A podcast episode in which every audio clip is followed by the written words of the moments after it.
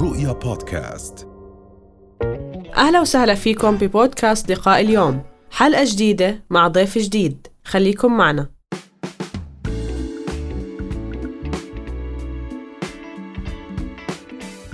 كلنا بنلاحظ إنه التغيير هو جزء أساسي من حياتنا. شئنا أم أبينا دائما في تغيير بكل شيء بالشغل بالعائلة بالأصدقاء بتحديات العمل بكل شيء ولكن مش مشكلتنا يعني قلة المهارة إنه الناس تتعامل مع التغيير. فبداية الخوف من وين بيجي؟ يعني ليش بتلاقي في ناس بيخافوا أكثر من ناس؟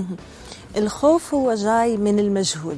التغيير بالنسبة لنا هو شيء مجهول. أنا ما بقدر أتوقع إيش رح يصير بالمستقبل. إذا بدي أغير دائرة أصدقائي إذا بدي أغير شغلي إذا بدي أغير مكان سكني هو إشي أنا مش عارفته. دماغي مبرمج بطريقة أنه يطلع على المجهول كأنه خطر. فعشان هيك بنحس بالخوف. والخوف إيش بحكي لنا؟ الخوف شعور بيقولنا إنه في خطر بدك تعمل شيء حتى تحمي حالك.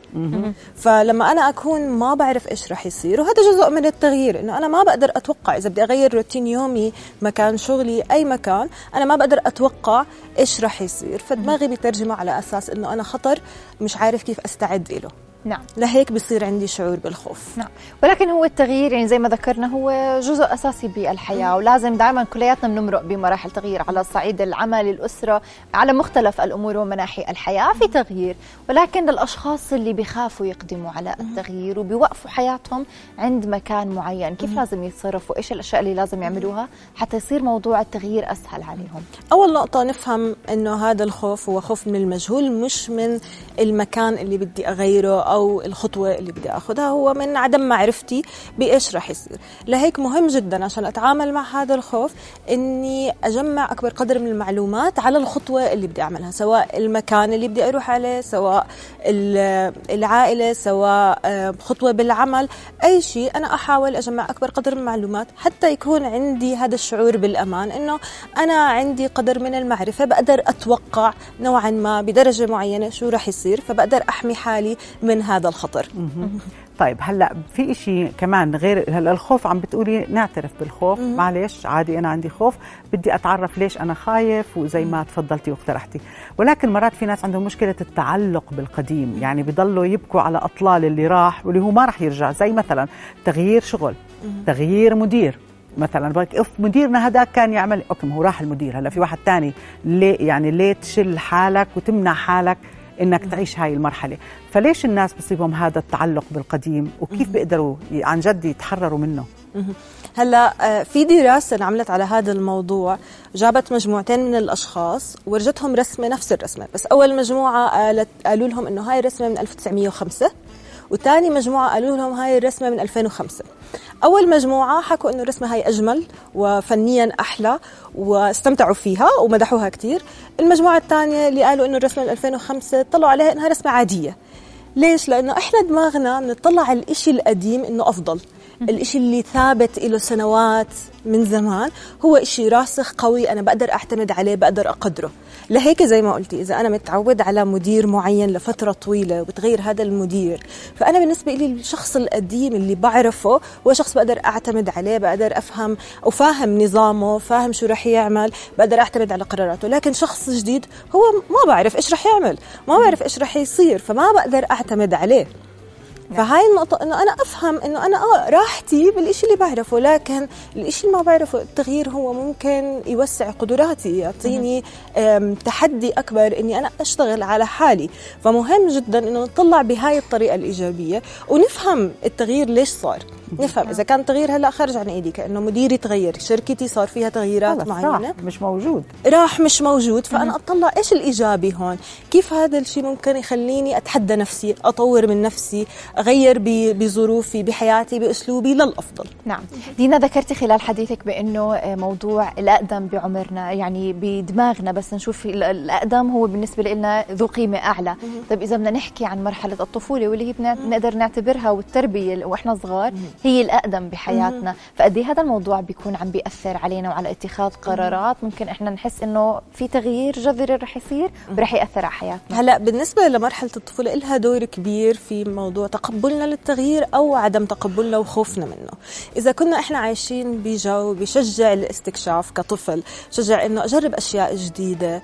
أم، الأهل بشجعوا الشخص مثلا الطفل يتع- يتعلم مهارات جديدة خبرات جديدة يلعب مع أشخاص جداد.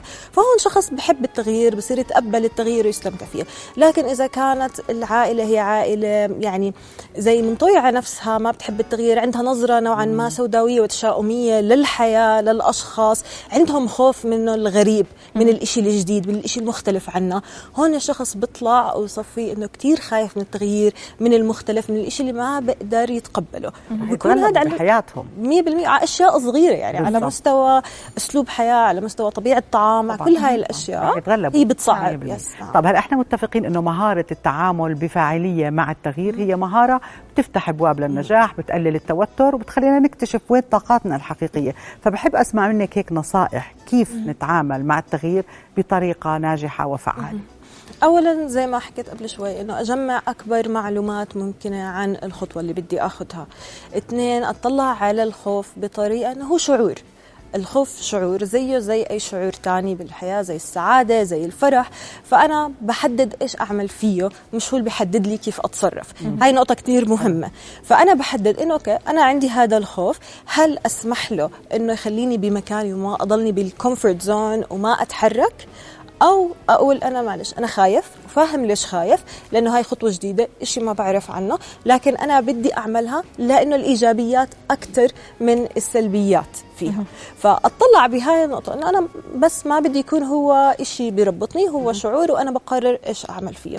ثاني إشي إنه يكون في زي آه، ناس داعمين support system اللي هو أشخاص حوالي يحكوا معي بطريقة عقلانية أقدر أحكي معهم برا هاي المشاعر. إيش الإيجابيات؟ إيش السلبيات؟ طب أنتم شو كيف شايفين؟ أوكي؟ نطلع على الموضوع بنظرة ثانية من أشخاص ثانيين وكمان إنه أفكر أنا كيف بقدر يكون عندي مهارات حتى أتعامل مع الإشي الجديد اللي رايح عليه. مش فقط مع الخوف من التغيير. هل بحتاج. شغل جديد؟ إذا بحتاج أخذ دورات جديدة؟ إذا بحتاج مثلا أتواصل مع ناس مختلفين أشوف إيش الأشياء اللي بقدر أعملها حتى أحس حالي أنا عندي هاي المهارات اللي بتساعدني أتعامل مع أي شيء جديد ما بعرف إيش هو طبعا نعم. كل مرحلة بدها معلومات جديدة المعلومات القديمة مش حتخدمني بهاي المرحلة. بس في شيء كتير مهم بحب أسمع منك خطورة التمسك وعدم يعني التحرك لقدام. في خطورة إني أنا أضل أقاوم التغيير. طبعا مقاومة التغيير بتخلينا نضل مكاننا ما نتطور ما نت... ما تتوسع مداركنا ما نطور مهاراتنا. كمان ممكن يشكل عنا اضطرابات زي اضطرابات قلق زي اضطرابات اكتئاب. ليش؟ لأن أنا بكون حاس حالي مش مرتاح بس بنفس الوقت خايف إني أخذ خطوة عشان أرتاح. فبصفي عايش كاضطرابات قلق بتفكير إنه آه إيش ممكن يصير؟ طب كيف بدي أعمل؟ طب أضلني بمكاني. طب فهذا بيخلي عندي اضطرابات القلق سوري اضطرابات الاكتئاب مرات بيكون نتيجة غضب على نفسي إنه آه، أنا صح. مش قادر أتحرك مش خايف فمربطني هذا الخوف فبدخل بمود كئيب إنه مش قادر أتحرك. فمهم جدا ننتبه إنه ما نسمح للخوف هذا يدخلنا بهيك اضطرابات ونستخدم كل ال resources والمصادر اللي حوالينا من أشخاص من انترنت من دورات تساعدنا إنه نمشي بهذا التغيير. نعم. آه، دينا يمكن مرات بيقولوا بس توصلوا لل comfort zone تبعتكم انقلوا جربوا بسرعة لاقوا بديل عشان ما تضلوا عايشين شعور الراحة. فقد إيه هذا الموضوع صحيح؟ وقد إيه كمان موضوع التغيير السريع اللي بيصير؟ يعني إذا نفرض على موضوع العمل بنتقلوا من شغل لشغل لشغل. قد إيه هذا كمان ممكن يأثر على حياتنا؟ هلا بدنا ننتبه إنه كيف إحنا بدنا نمشي بالتغيير بحياتنا. يعني مرات جيد إنه نقعد بال comfort zone لفترة لنتعود لإنه نشوف آه هل إيش الشيء اللي بهمني أطوره إيش الشيء اللي بهمني أحافظ عليه بال comf- بال comfort zone هاي. آه الانتقال من شغل لشغل من مكان لمكان كتير رح يوترني أكثر لإنه ما بعطي لنفسي فرصة إني أرتاح إني أشتغل على نفسي إني أفهم أنا شو بحتاج إيش ما بحتاج إيش الأشياء اللي أطورهم بنفسي.